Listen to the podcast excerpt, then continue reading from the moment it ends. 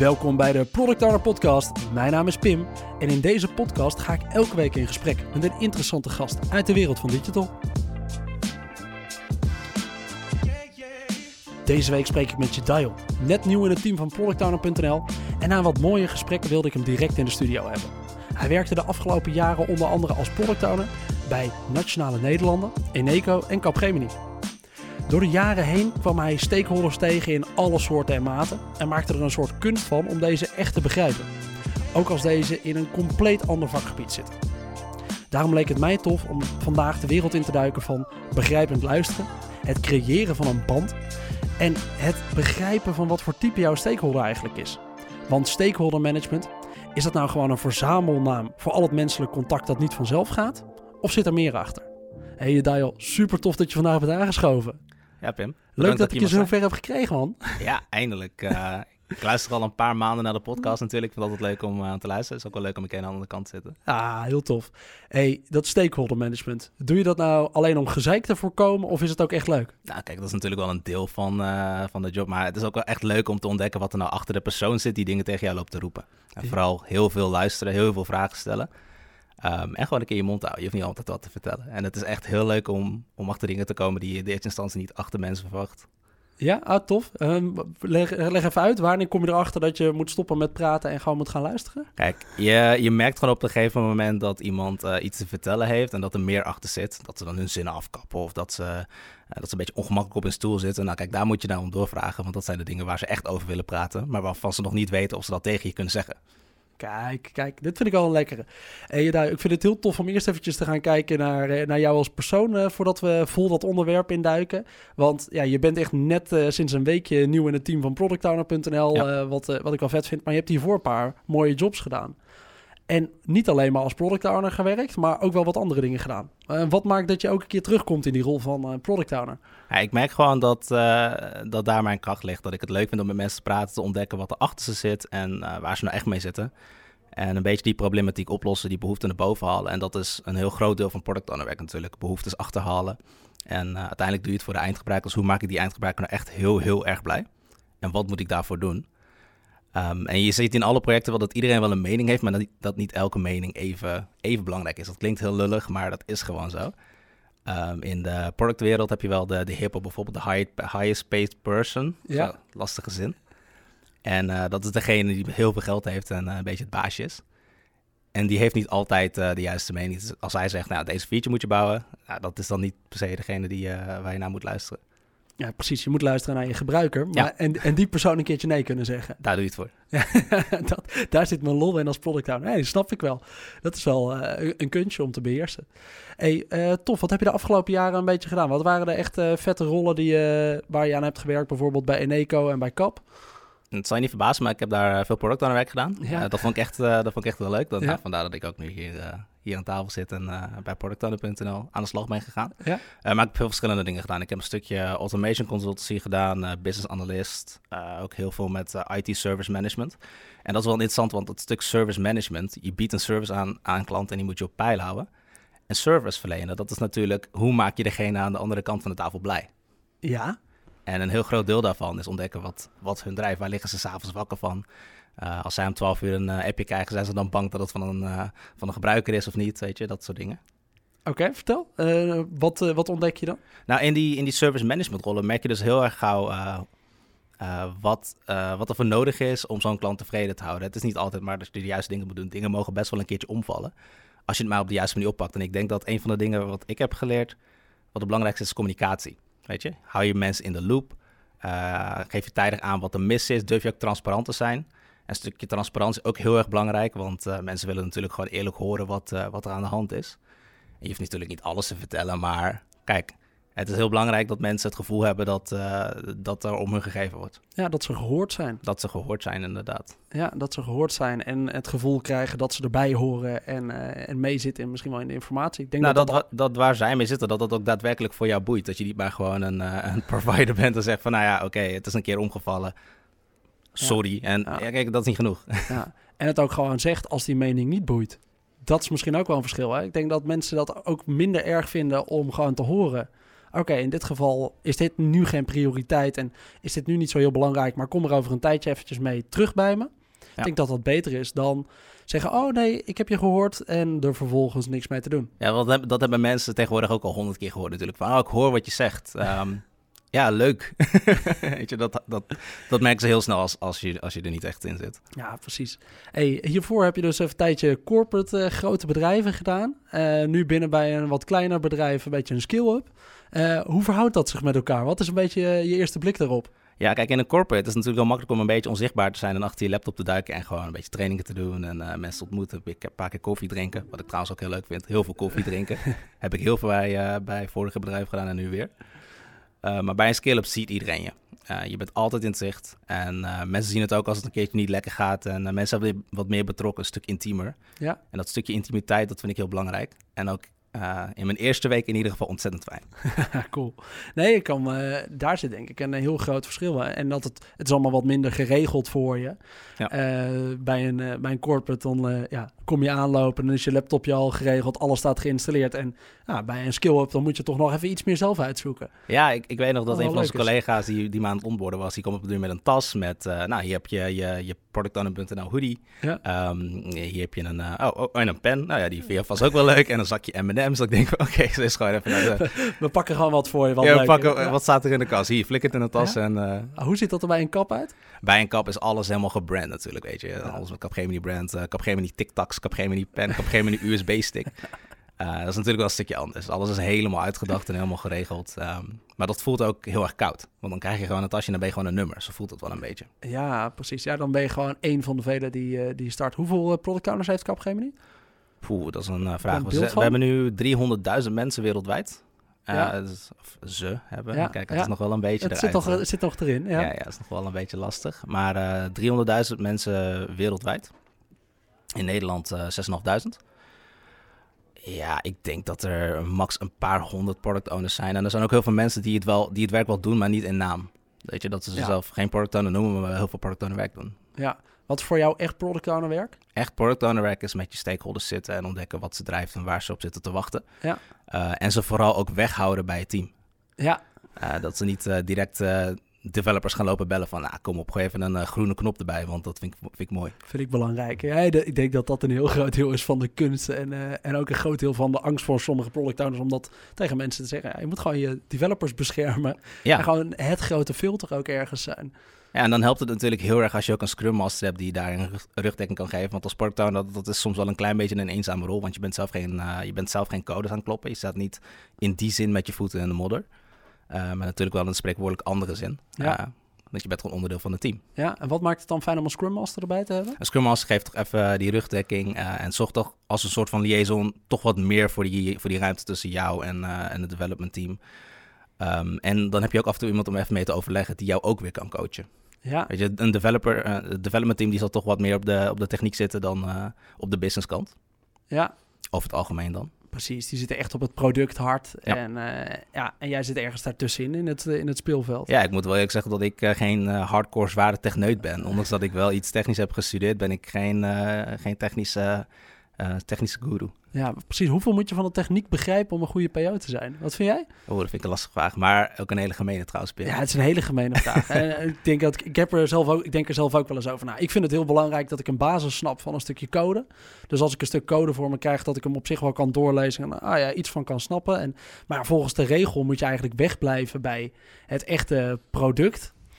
En moet je daar niet te veel van willen snappen en moet je echt zitten op de user stories? Nou, vandaar is het misschien wel een gemene vraag om inderdaad te stellen. Nee, het is gemeen omdat ik een klein beetje biased ben. Ik heb dus een technische studie gedaan, maar ik, uh, ik, vind dat, ik vond het persoonlijk um, wat minder leuk om echt diep in de techniek te zitten. Dus ik ga natuurlijk zeggen, ja, techniek hoef je niet te snappen als PO, dat is niet nodig, joh. Nee, nee, nee, nee, nee. Maar dat is natuurlijk niet waar. Ik denk dat je zeker een deel techniek moet snappen, ondanks dat je het misschien niet leuk vindt. Uh, je moet ook een klein beetje infra infrastructuur snappen en uh, nou, een stukje software development. Want dat is wat we doen. We doen gewoon productontwikkeling.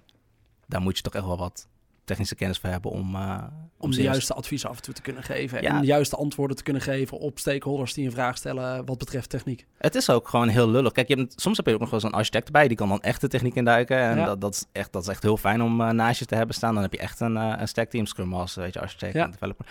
Maar ja, als jij met een stakeholder in gesprek gaat en die stakeholder die stelt een technische vraag, je oh wacht, ik moet even, even met mijn developers bellen, kom ik de volgende keer op terug. Als je dat in elk gesprek drie keer moet doen, dan heb je hele trage gesprekken. Ja, En uiteindelijk, de uitkomst van die gesprek zal ook een stuk minder goed zijn dan wanneer je het wel snapt en er gewoon direct antwoord op kan geven. ik eh, riep het al eventjes ergens in mijn introotje. Ja, is stakeholder management nou gewoon een verzamelnaam voor het menselijk contact waar we echt geen zin in hebben? Of zit er meer achter? Mooie omschrijving. Nee, er zit al een stukje meer achter. Ik zei het net ook al, ehm ja, nu herhaal ik jouw zin, maar ik zei het net ook al, ehm, een stukje transparantie vind ik heel belangrijk. Ja. Eh, een stukje relatie opbouwen, want dat is voor mij een heel groot deel van eh, stakeholder management. Echt die relatie opbouwen, maar wat je daarvoor nodig hebt om dat goed te kunnen doen, is denk ik authentiek geïnteresseerd zijn in degene die tegenover je zit. Ja, het is wel heel fijn als je het echt doet en, eh, en het niet alleen maar ziet als een moedje. Ja, inderdaad. Zeker. Hey, hoe breng je die stakeholders dan in kaart? Als jij, als jij op een nieuwe opdracht begint, eh, ergens een, eh, een, een klus in een eh, branchegebied waar je nog niet al te veel van af weet, misschien wel.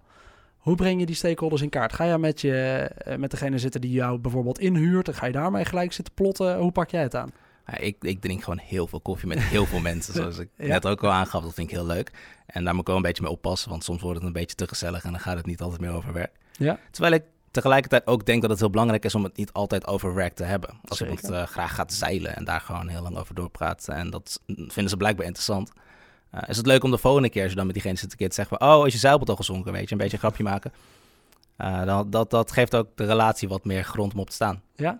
Teken jij het uit? Een, een soort stakeholder map? Ik ga altijd eh, ga je- altijd. Mindmap is mijn to-go-tool, want ik heb een heel, een heel vol hoofd altijd. Ik ga alle kanten op. Ik ben ook wel nou, een klein beetje chaotisch. Vind ik ook ergens wel leuk, want er zijn altijd leuke ideeën in mijn hoofd. Als je die op papier zet, eh, ja, dan, dan komt er wat meer structuur in. En die structuur heb ik toch wel nodig om de juiste mensen te vinden. Hoe ziet dat er bij jou uit op papier? Altijd een mindmap. Je hebt de organisatie in het midden en eh, Ja. eh, vervolgens de businessfuncties van die organisatie. Ja. En ja, je gaat, je gaat de tool werken. Hoe ondersteunt die tool de core business van die organisatie? Precies.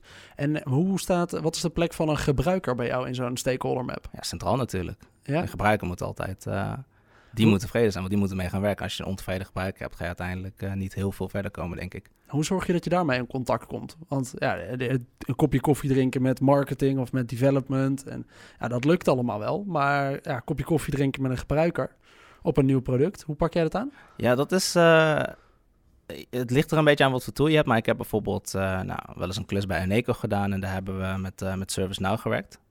En dat is een ticketing systeem, hoofdzakelijk. eh, IT Service Management. Maar het kan veel meer dan dat. Weet je, als een gebruiker een incident heeft of zijn laptop een stuk of gaat iets helemaal mis, dan stuurt hij een ticket in. En eh nou, daar staan natuurlijk heel veel comments in. En dan kan je altijd een beetje met die gebruiker gaan chatten. En eh, soms staat er een nummer bij, want het staat natuurlijk aangesloten op het AD. Dan doe je een belletje van, hey, ik merk dat je ergens mee zit en je hebt al een paar keer ingeschoten of het staat al een paar dagen open. Ehm, en mijn incidentmanager die, die, die kijkt er volgens mij nu niet echt naar, maar die heeft het wel een paar keer gezien. Eh, wat, wat is hier het probleem? Hoe kom ik hier, eh, hoe kom ik hier verder? Oké, en dan? Altijd direct een belletje doen en dan eh, soms loop je er gewoon even op af en dan Ja. vervolgens ga je met diegene zitten. Ik denk dat het gewoon belangrijk is om met mensen te gaan zitten. Ik kan niet anders dan... dat kan je niet wegautomatiseren, om zo maar te zeggen.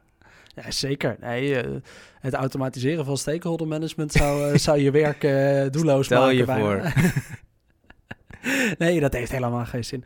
Nee, maar eh, ergens ligt dat er inderdaad in. Dus, maar het is altijd een leuke challenge hoe je als eh, PO natuurlijk zorgt dat je ook echt je gebruikers hoort. Eh, of ze nou intern of extern zijn. Ja, maar ik ben ook een vrij simpele jongen hoor. Voor mij is het, je hebt mensen die, die pakken het heel methodisch aan. Die weten wat voor persoon ze tegen- tegenover zich hebben zitten. En die, die hebben dat dan een keer een management training gehad. Of die hebben allemaal frameworks daarvoor. Ik ben wat meer free format. Ik vind het fijn om een speelveld te hebben en een doel. En daar lekker creatief in te kunnen kijken. Hoe kan ik bij dat doel komen? Met de persoon die ik ook tegenover me heb zitten. En dat, dat voel je altijd instinctief al een beetje aan. Ja, je hebt dus niet een soort basisaantal vragen die je altijd stelt als je met iemand zo'n kopje koffie gaat drinken. Uiteindelijk wel, denk ik, eh, in grote lijnen. Maar er zitten ook wel tien eh free format vragen tussen die ik op dat moment bedenk van... oh, het is eigenlijk wel handig om daar een keer eh, over te praten. Omdat ik dat nu toevallig hoor. Weet je, je hoort mensen bepaalde dingen zeggen. Hoe achterhaal je die belangen dan wel in zo'n gesprek? Wat voor Eh, vragen zijn dat? Of waar zoek je een beetje naar? Ja, je hebt natuurlijk altijd, waar zit je nou echt mee? En eh, ik heb, eh, voordat ik hier begon, ik van Jochem een mooie vraag geleerd. En dat was, kijk, als jij nou een magisch stokje had... en morgen had je tien problemen opgelost... wat waren de eerste drie die op dat lijstje staan? en dat heb ik Ga je dus beeldend maken, ja? Ja, dat heb ik een paar keer geprobeerd. en dat werkte altijd toen ik het, toen ik het probeerde. Dus dat was heel fijn. Oh, die is wel geinig. Ja, Ja. die kende ik zelf ook nog Jochem niet. is heel goed met woorden.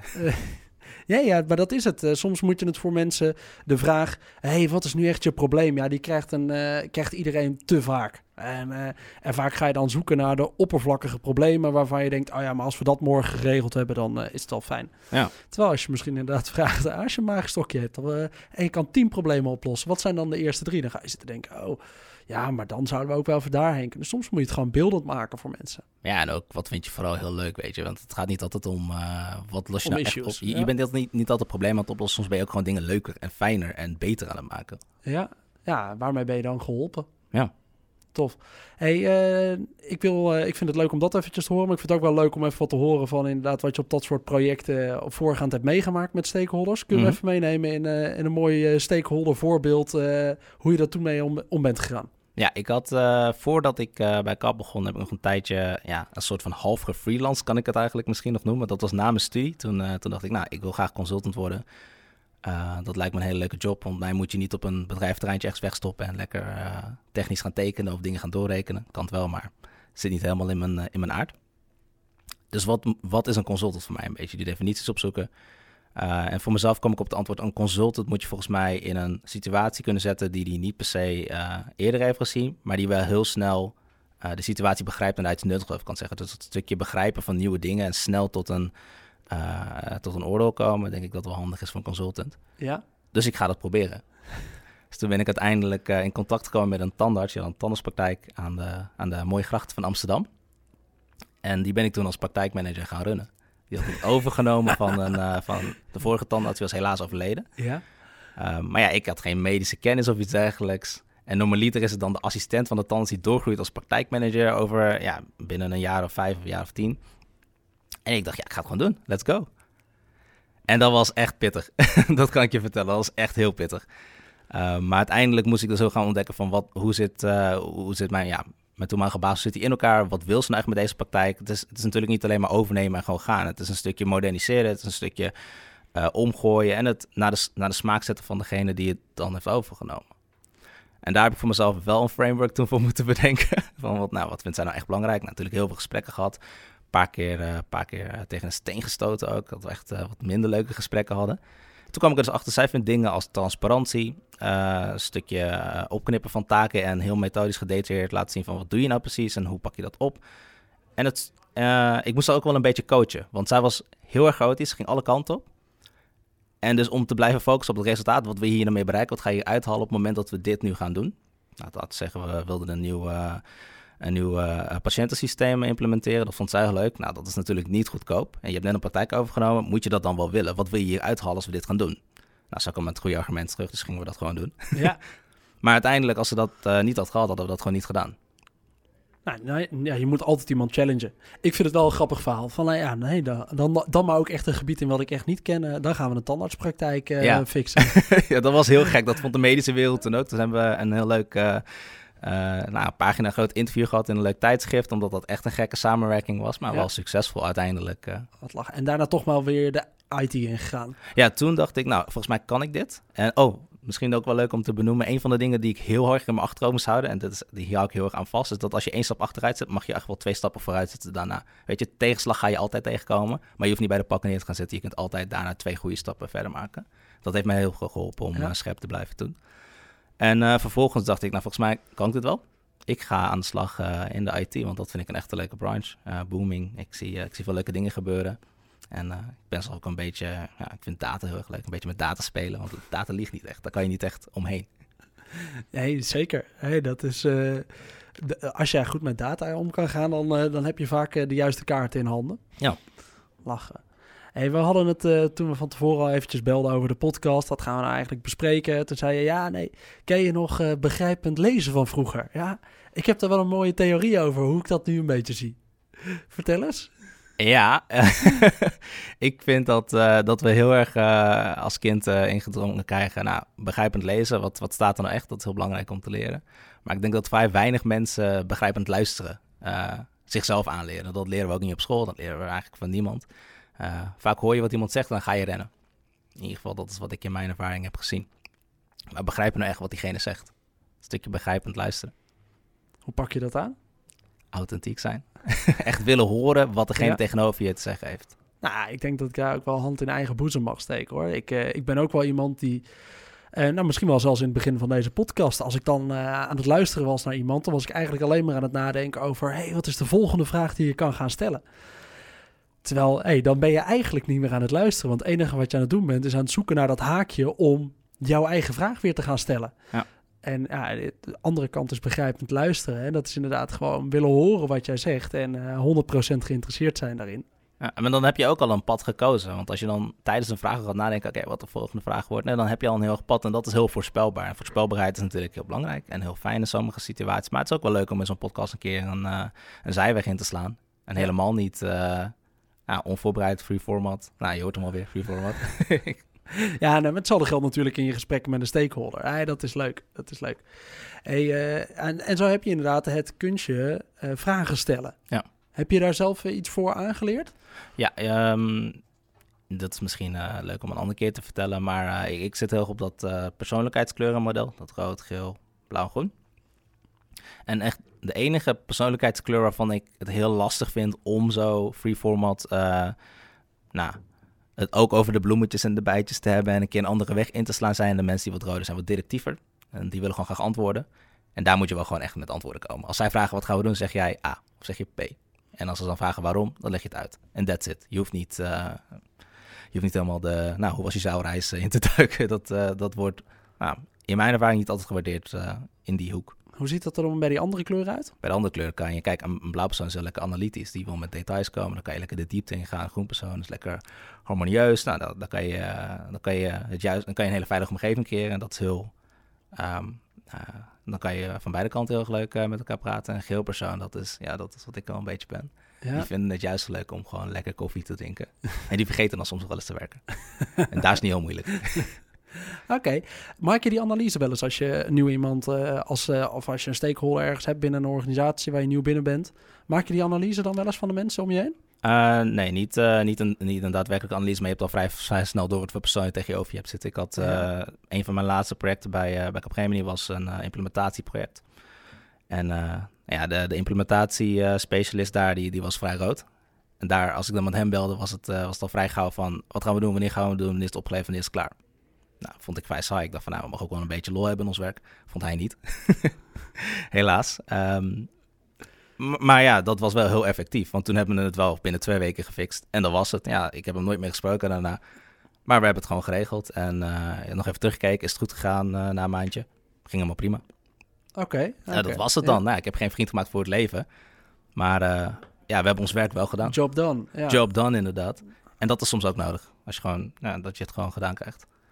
Nou, kun je mij daar wat tips over geven? Ik ben daar eigenlijk eh, nou, niet bewust in ieder geval in, eh, in de richting van eh, kleuren mee bezig. Mhm. Ik kijk echt wel wat voor persoon iemand is en ik schat een beetje in hoe ik hem moet benaderen. Kijk, soms heb je iemand waarvan die gewoon graag gestuurd wil worden. Die wil wat handvatten meekrijgen om zelf aan de gang te gaan. Je hebt soms een stakeholder zitten die ja, heel erg op zijn plaats beschermd zit en waar je vooral niet te veel voor zijn voeten weg moet pakken. En ah, hoe ga je daarmee om? Heb je daar wat tips voor voor mij?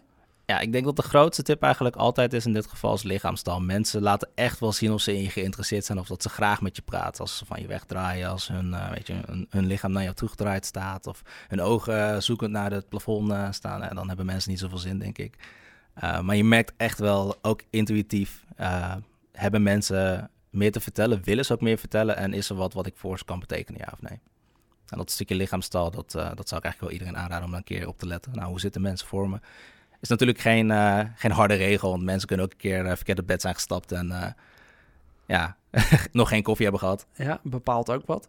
En wat betreft die kleuren, is dat iets waar ik iets mee zou moeten als PO? Ik, ik denk dat het heel, heel erg goed is om daar eens een keer goed in te duiken. Ik denk dat het je heel veel kan brengen. Vooral, uh, ja, iedereen valt wel een klein beetje binnen die vier kleuren. En de meeste mensen hebben dan twee kleuren die een beetje dominant zijn. Twee kleuren die dan wat uh, minder op de voorgrond staan. En iedereen kan natuurlijk alles, weet je. Ik kan ook echt wel analytisch zijn, maar daar haal ik niet mijn energie uit. Als ik dat drie weken achter elkaar moet doen, ja, dan, dan, ben, ik, dan ben ik vrij op. Terwijl als ik drie weken lang met mensen koffie moet gaan drinken, dat, dat, dat, daar ga ik niet op van. Als PO moet je ook wat werk verzetten. Ja, soms wel. Helaas. Oh, ben je niet bij het goede adres hier? Shit, we zijn, we zijn verkeerde. We hebben de verkeerde afslag genomen. Ja, shit. Heel leuk. Hey, is er nog even iets wat je kwijt wil over stakeholder management? Uh, ja, ik denk dat uh, dat stukje communicatie, relatie opbouwen, ik denk dat dat het belangrijkste is. Mijn, uh, ik had, ik had tijdens mijn studie ook een goede mentor, daar klikte ik ook heel goed mee. En die zei altijd, nou, weerstand is gebrek aan connectie. En sindsdien ben ik echt heel erg gaan focussen op wat, wat die connectie nou betekent en hoe ik daar een slag in kan maken. Hoe kan ik nou echt een relatie met iemand opbouwen? Hoe kan ik nou echt de connectie vinden met de persoon tegenover me? En dat is voor mij, voor mij was het antwoord authentiek zijn en geïnteresseerd zijn in de persoon. Je ego aan de kant zetten. Vooral dat. ik denk dat dat het grootste kunstje is om een goede connectie met mensen te maken. Is altijd je eigen ego opzij zetten.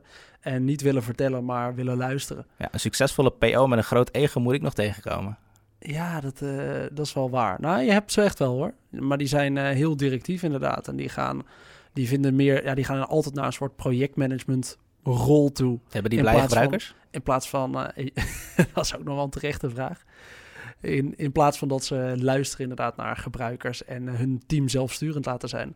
Ja. Ik denk dat je daar het hardst op inlevert als je als PO te veel wil gaan sturen. Ja, ik denk dat, uh, dat we allemaal volwassen kerels zijn en dat we best wel in staat zijn om uh, een beetje verantwoordelijkheid te pakken. Iedereen is eigenlijk best wel goed in zijn werk. Laat iedereen lekker zijn werk doen, maar faciliteer de juiste dingen. Kijk, natuurlijk heb je altijd uitzondering op de regel. Iemand die, echt die er echt helemaal niks van bakt. Daar moet je er soms wel even aan vragen. Zit je wel op de juiste plek? Ja, misschien is dat wel een goede vraag, ja. Maar ik denk dat je van tevoren diegene al uh, uh, had kunnen zien aankomen in het, uh, misschien in het recruitment proces. Ja. Als jij hem hebt aangenomen. nee, klopt, klopt. hey, tof. Uh, Jadayo, ik vind het een leuke aflevering. Ik denk dat we echt even zijn ingegaan op ja, stakeholder management. Ja, ik moet toch zeggen dat ik misschien nog wel een beetje bij mijn stelling in het begin sta. ja, als het mensen zijn waar je heel gemakkelijk mee omgaat, ja, dan, kost het, dan voelt het niet alsof je het aan het managen bent. Zijn het mensen die iets moeilijker te benaderen zijn, dan ja, is het eigenlijk een soort stakeholder management wat je nodig hebt. Ik denk dat je er inderdaad altijd goed aan doet om in het begin even een soort uh, mindmapje te tekenen van waar je stakeholders zitten, wat hun posities zijn. En ik vraag persoonlijk regelmatig dan aan een opdrachtgever: hey, geef mij eens eventjes aan waarvoor ik welke persoon moet benaderen. Dus als ik dit, dit en dit wil gaan doen, waar moet ik hem, dan, hem of haar dan voor hebben? Ja, hem moet je daarvoor hebben, haar moet je daarvoor hebben. Dat helpt mij altijd heel erg om gelijk daar al in te filteren ja. uh, welke kant je op wil. Ik vind het wel grappig wat je hebt verteld wat betreft kleuren en het soort mensen die je benadert met wat voor data en wat voor informatie. Ik denk dat dat heel verschillend is per stakeholder wat ze willen horen. Ja. We hebben het gehad over dat er de grootste kunst misschien wel zit van stakeholder management in het niet praten, maar luisteren. Of uh, het begrijpend luisteren misschien zelfs wel. Dus ook niet alleen maar gefocust zijn op je eigen vragen, maar juist heel erg focussen op wat voor antwoorden je krijgt op wat vragen en daarop uh, op doorgaan. Klopt. Hey, super tof. Hey, wat is de grootste les die je 18-jarige Jedail mee zou geven? De grootste les? Ja, nadat je nu een paar jaar werkervaring er ondertussen op hebt zitten. Wat is nou echt de tip die je mee had gegeven? Hou eens je kop, ga luisteren en ga dingen doen. Hou eens je kop? Ga luisteren en ga dingen doen. Ja. En waarop, eh, waarop heb je dat moment echt meegekregen? Waarop dacht je, ja, dat is misschien eigenlijk wel de strekking? Ja, dat was wel echt in, bij die tanden was een heel pittig moment dat we eigenlijk niet, eh, niet echt verder kwamen en dat beide wel zagen. En eh, we ons afvroegen, ja, moeten we wel doorgaan? Daar toch even goed gaan zitten en bedacht, ja, ik wil dat heel graag. En volgens mij wil zij dat ook heel graag. We moeten hier gewoon een manier vinden waarop we verder kunnen komen en daadwerkelijk dingen gedaan kunnen krijgen. Ja. Mijn grote plan daarin is altijd iets helemaal plat slaan, kleine stappen van maken. Als dat hem is. Maar heel tof. Thanks, eh, thanks voor je tip. Eh, als mensen nog eh, vragen hebben naar aanleiding van deze podcast, kunnen ze een bericht sturen via LinkedIn. Altijd LinkedIn. Ah, Mijn nummer staat ook op LinkedIn, dus wil je me bellen, dat kan ook. SMS'en. Reageren. sms'en, bel, stuur me op, je, op mijn ping. Ja, Bosduif. je Dial Karim op, op LinkedIn. Ja. Dan bedank ik iedereen weer voor het luisteren naar deze aflevering van de Product Owner Podcast. Ik hoop dat je het weer een toffe aflevering vond. Heb je nou zoiets, ik vind deze podcast echt wel leuk, dan help je ons enorm door een keer een reviewtje achter te laten op Spotify of op Apple Podcast. Dat zorgt weer dat er wat meer bereik komt op de podcast. Ehm, daarnaast wil ik eventjes een bedankje uitspreken naar de Hub Studio van de Breda University, die we weer hebben kunnen gebruiken voor deze keer. En heb je nou nog vragen aan mij naar aanleiding van deze aflevering? Of heb je een tip van een gast die we echt een keertje moeten uitnodigen? Dan kun je mij een bericht sturen via LinkedIn op Pimpot. Of een mailtje sturen op pim.productowner.nl. Dan hoop ik dat je de volgende aflevering weer luistert. Tot dan!